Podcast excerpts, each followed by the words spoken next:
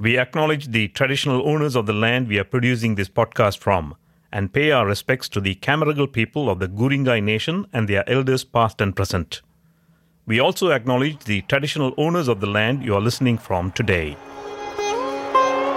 When we play with the other clubs, you're always going to find some people sledge you, and if they don't know anything else, they will obviously come up with some not so nice comments and uh, some which are usually identifying you based on your race, or you can call it a racial thing. Yes, it does exist.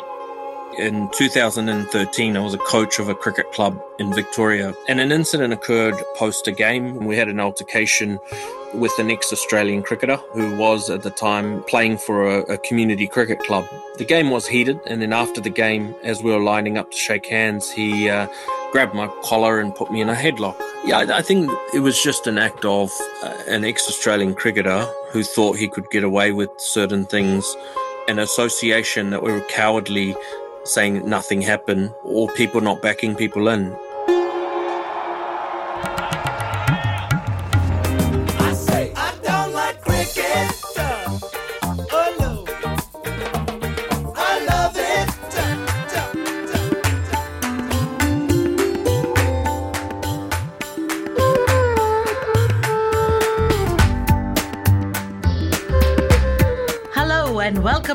Of Cricket, a podcast series that takes a closer look at the subcontinental fans, international players, and community cricketers from the Australian perspective. I am Preeti Jabal. And I am Kulasegaram Sanjayan. In this final episode, we will explore racism and sledging in Australian cricket and how it impacts players with South Asian heritage. We will also discuss measures that have been put in place to mitigate it. At the beginning of the episode, we heard comments from 56 year old Bhavin Nagar, an Indian migrant who plays club cricket with his son in Melbourne. Then we had Hussein Hanif talking about an alleged incident of racism where he was on the receiving end. Australian cricket has had its fair share of racist controversies involving domestic and international players as well as its local crowd. Its biggest embarrassment came during the Perth Test in 2005 when spectators called players from the visiting South African team Kafirs, an insulting term for black Africans. This prompted an ICC investigation into the behavior of Australian crowds. Similar insults were heard during the matches in Sydney, Melbourne, and Brisbane. Cricket Australia and the larger cricketing fraternity outrightly condemned these incidents. However, there is no denying that there has been a debate in Australia about whether racism or sledging is a cultural thing and where one should draw a fine line. Our historian and cricket expert Patrick Skene says It all depends who you talk to. One person will say they get abused every two or three weeks, others would say it is completely overblown and disproportionate and doesn't exist. It causes a great deal of discomfort to talk about, and it's a difficult one. You, if you don't talk about things, you can't improve them. That's the old adage. I was watching Fox Sports the other day and they had an old match, and someone held up a sign in Bay 13 in Melbourne which said, Go home, curry munchers. So that was definitely a prevailing sentiment at one part in, in, in the 80s. Malcolm Conn, a Walkley Award winner and Australian born cricket journalist, says racism has its roots in the formation of this country. I'd imagine that it would have been pretty difficult in previous generations for players and spectators from South Asia watching cricket in Australia because Australia was such a, a white country. Even the immigration after the war was sort of all European, but I think it's it's a lot better accepted now. I think part of the mistrust between teams was probably a reflection of society in some ways, uh, if you go back to previous generations, and also I think the fact that cricket had been a very sort of Anglo game and was controlled in large part by Australia and England. And I know that there was increasing resentment from other countries about the way that for a long time Australia and England had the right of veto at the International Cricket Council. And I know that administrators from other countries found that quite insulting. Why should England and Australia have this right of veto? So thankfully that doesn't exist anymore. Cricket writer and filmmaker Jarrod Kimber says that Australians have somehow convinced themselves that people are better at sports because they sledge harder. Sledging is one of these things in Australia that we've convinced ourselves is something that we need to survive, and that is why we are good. We've kind of overlooked the fact that the reason Australia is good at sport is because we have an outdoor society. We have the facilities available for sport. We have governments who have, over generations, prioritized sport with money. We have a lifestyle that, that is around sport. We haven't had many wars. We haven't had many moments where, you know, we've been under attack from other countries. It's a very, very middle class society. Of course, we're going to be good at sport. We convinced ourselves, though, that we're good at sport because we're harder than other people, that we sledge harder. It's just nonsense. That filters all the way down. And again, if you're brought up in that culture, I think you broadly understand it. You might not like it, but you broadly understand the sledging culture. If you're not brought up in the sledging culture, you'd be thinking to yourself, why are all these people being assholes to me at all times? You know, I've played cricket in other countries around the world. They just don't do that, right? And they don't need to do that. You know, New Zealand are the most successful cricket team over the last, what, six or seven years, and they just don't play that way, right? It's nonsense to think that you have to do that. And the lower the level you get, the more serious people take it. However, Patrick Skene says racist incidents are not exclusive to Australia. Racism is all over the world, and that's where Australians get a bit upset when they feel they're being singled out. But we still have to call it what it is, and it's rank cowardice to insult someone's ancestry to try and win a game. It's it's cheating, it's cowardice, and it should be called what it is. Skene doesn't shy away from pointing out racist incidents involving Australian cricketers and suggests where Cricket Australia could have acted better. Patrick Skene gives the example of controversy involving Australian legendary fast bowler Glenn McGrath and Sri Lankan batsman Roshan Mahanama. The latter, in his autobiography, has accused McGrath of calling Sri Lankan star all rounder Sanath Jayasuriya a black monkey in 1996. Mahanama was also critical of the Australian skipper at the time, Mark Taylor, and then Steve Waugh. He's a credible ICC match referee. And Steve and Mark Taylor said it was a publicity stunt for his book rather than explore it. They went into the protecting their mates mode. And I don't think there's a more credible person than an ICC. They, they have to be of the highest integrity to do that. And it just gets dismissed. In a separate incident, former Australian cricketer Darren Lehmann had to apologise for using racist slurs against Sri Lankan players during a one day international match in 2003. Lehmann became the first Australian player to be charged under the ICC's new racism code and was suspended for five one day internationals. Mr. Skene says, Was run out because he was too slow. Sri Lankans did nothing wrong to him. There's no confrontation, just he was too slow and got run out. And he came off the field and called the Sri Lankans the C word and Black C word. Stormed into the dressing room hurling these insults. Clive Lloyd is the match referee, hears it himself, and he's also dark skinned. Ten years later, Lehmann was appointed head coach of Australia. Darren Lehmann can be put in charge of the Australian team after that. If he had physically assaulted someone, he would never be put in charge of the Australian team. Goes to show that they don't consider that to be a serious insult. There was another incident involving former Australian Test batsman Dean Jones. He was sacked from his job as a television commentator after calling South African batsman Hashim Amla a terrorist during a match between Sri Lanka and South Africa in Colombo in 2006. The softer stuff, the banter, the larrikin stuff, Dean Jones calling Hashim Amla a terrorist from the commentary box in 2006.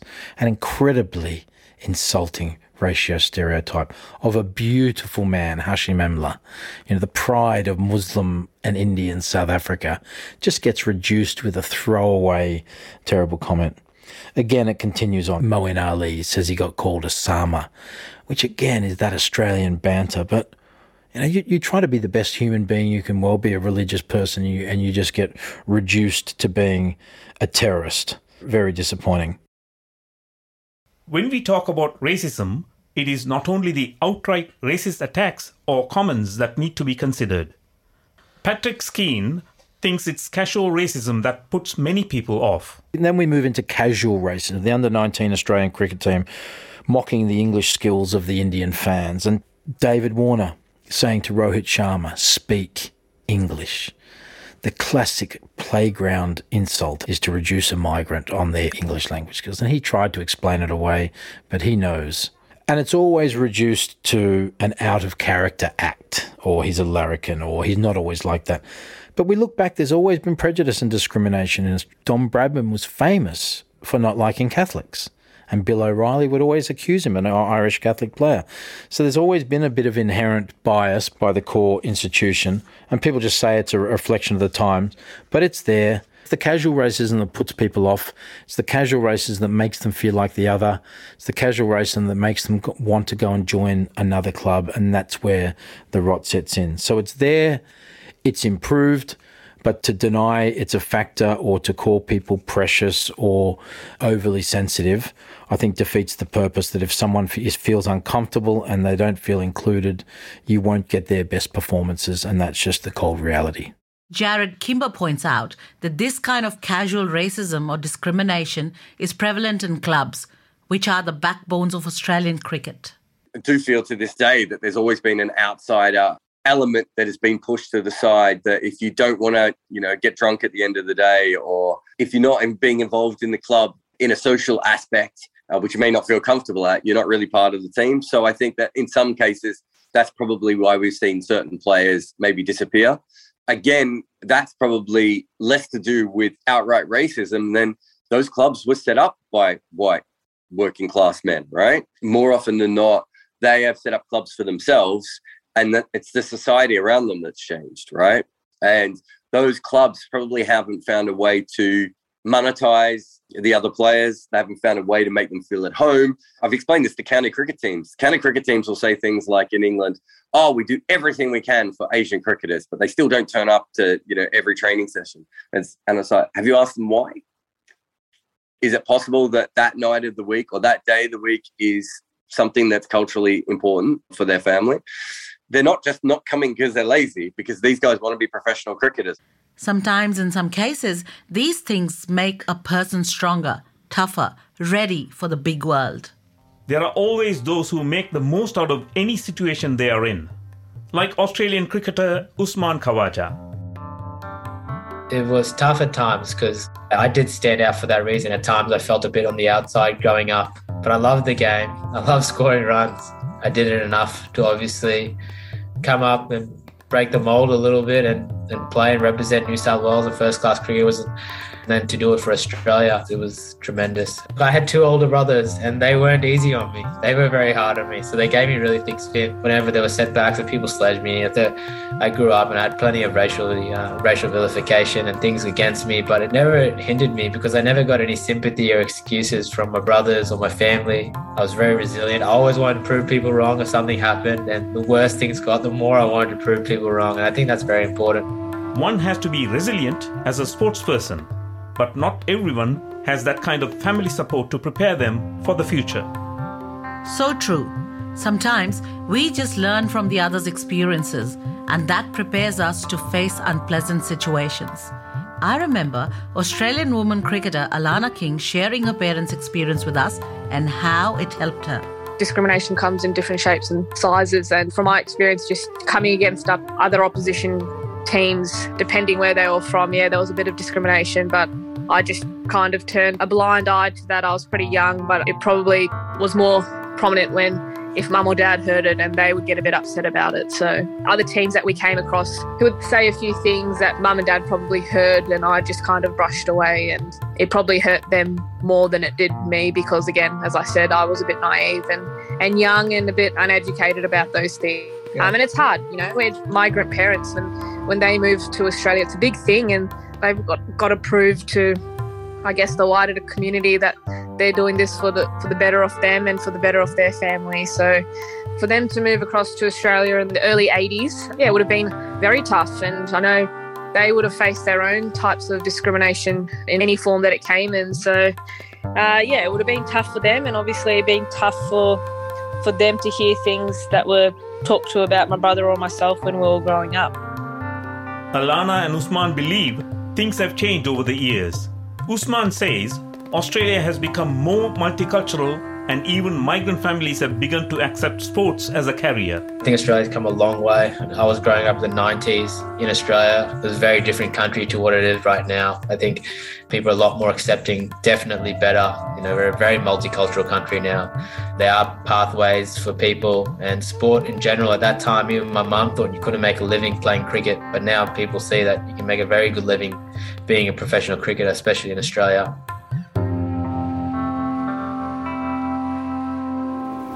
Cricket for me means culture. I don't like cricket, I love it. This is Colors of Cricket.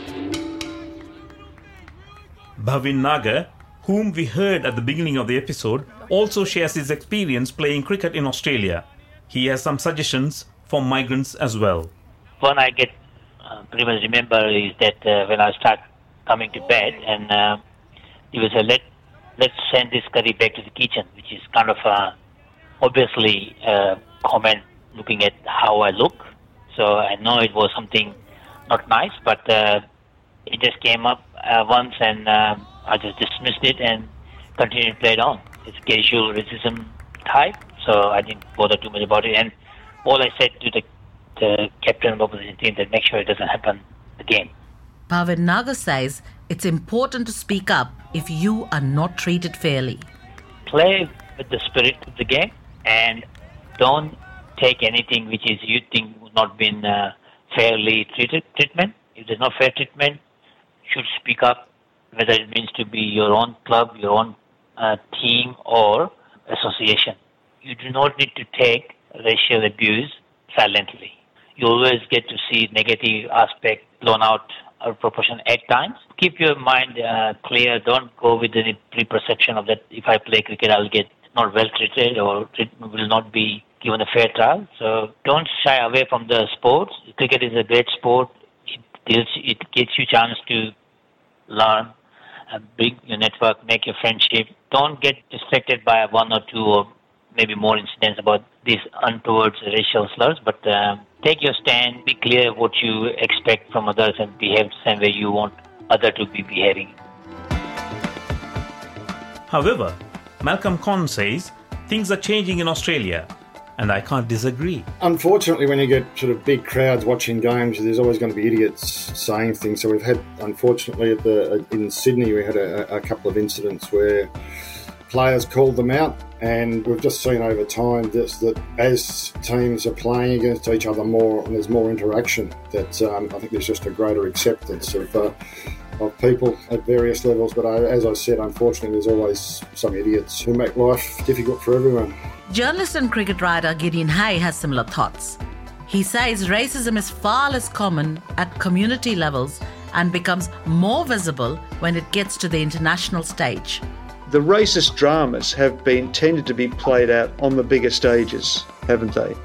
Monkeygate in India in 2007 2008, and the sequel at the at the Sydney Test here.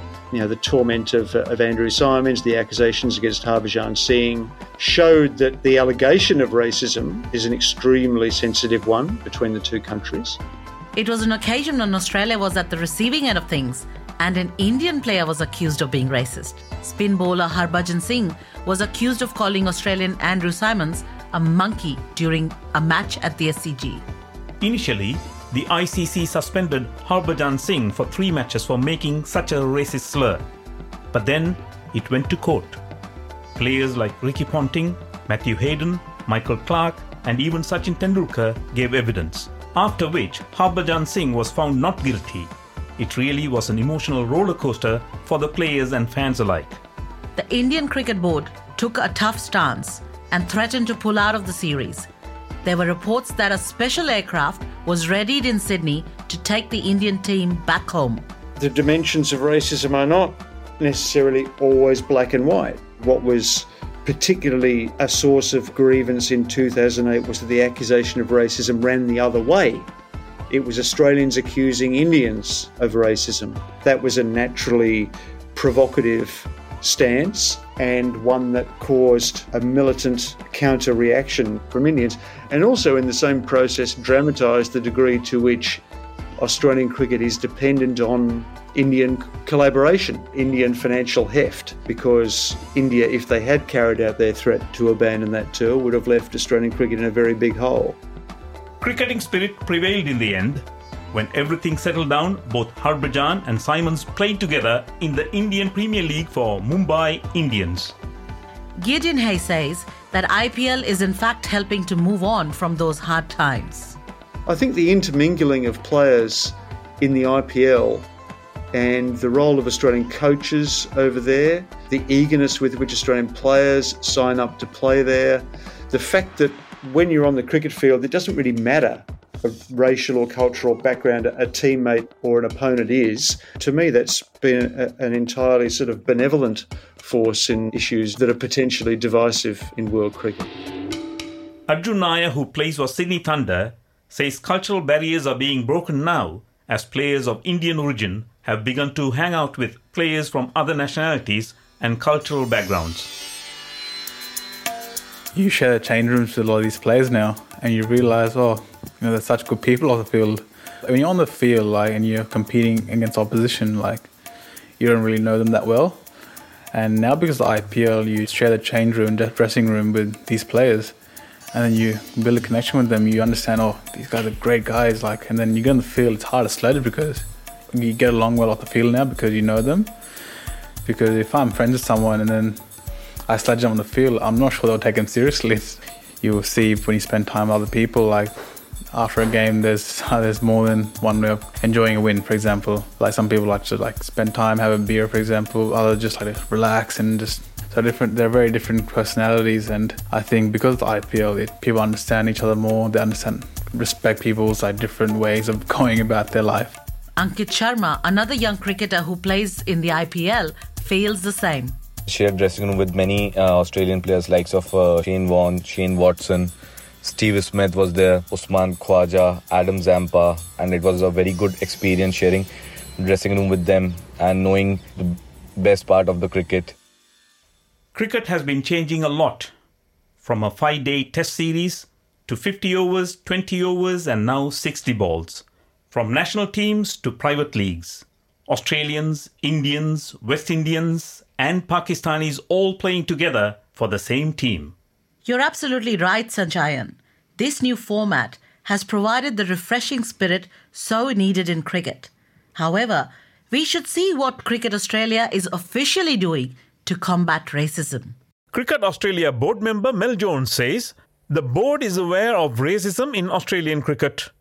But she points out that the cricket field reflects the wider Australian society I think it's in some ways it's just reflective of the Australian broader society. Cricket is a very big ecosystem. We have a lot of players, we have a lot of administrators, we have a lot of wonderful volunteers, and they have touch points across Australian society and in all every ways in the different states and territories as well. So I think what I've noticed mostly over my time as, as a board member is that there's a real cognizant awareness that it's prevalent, it's there exactly like society, she says the authorities have already implemented many policies to counter this. It's pleasing to know that when we're putting together policies or when we're putting together, you know, big events, that there's oversight on that and awareness to make sure that we have a, an inclusion space and, and we're trying to open our doors in the best possible way for, for anyone to play the game.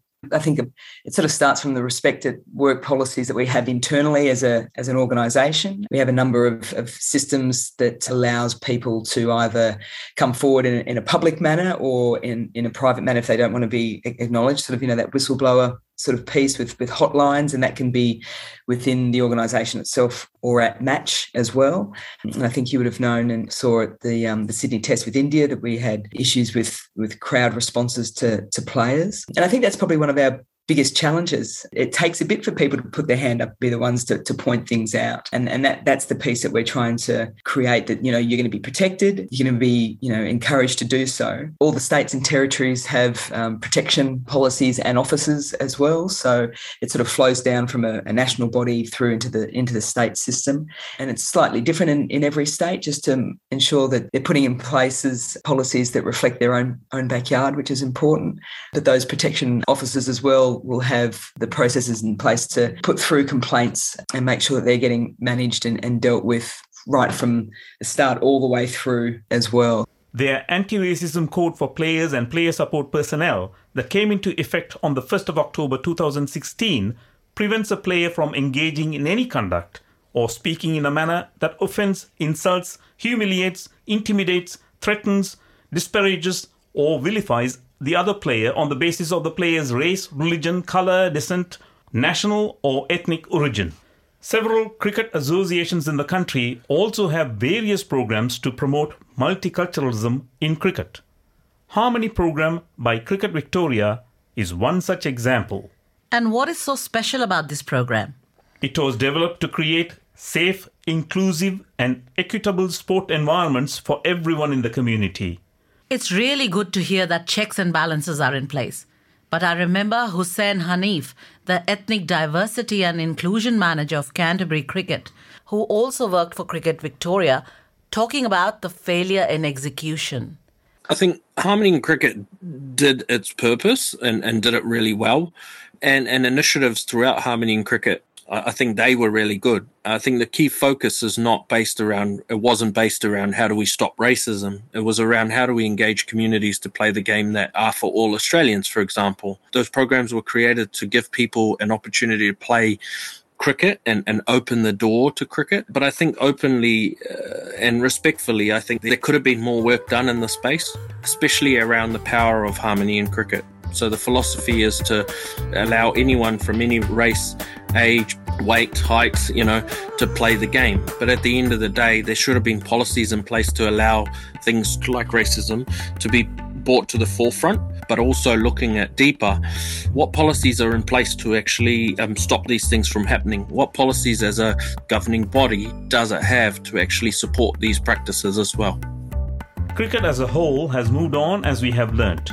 Everyone we spoke to agrees that the future will be much brighter than the past.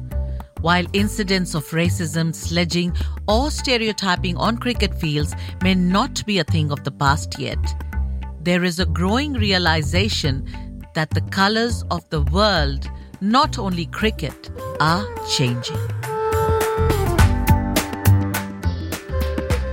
You were listening to the last episode of Colors of Cricket a podcast series that provided a comprehensive analysis of the changing colours of Australian cricket from a unique Indian subcontinental perspective.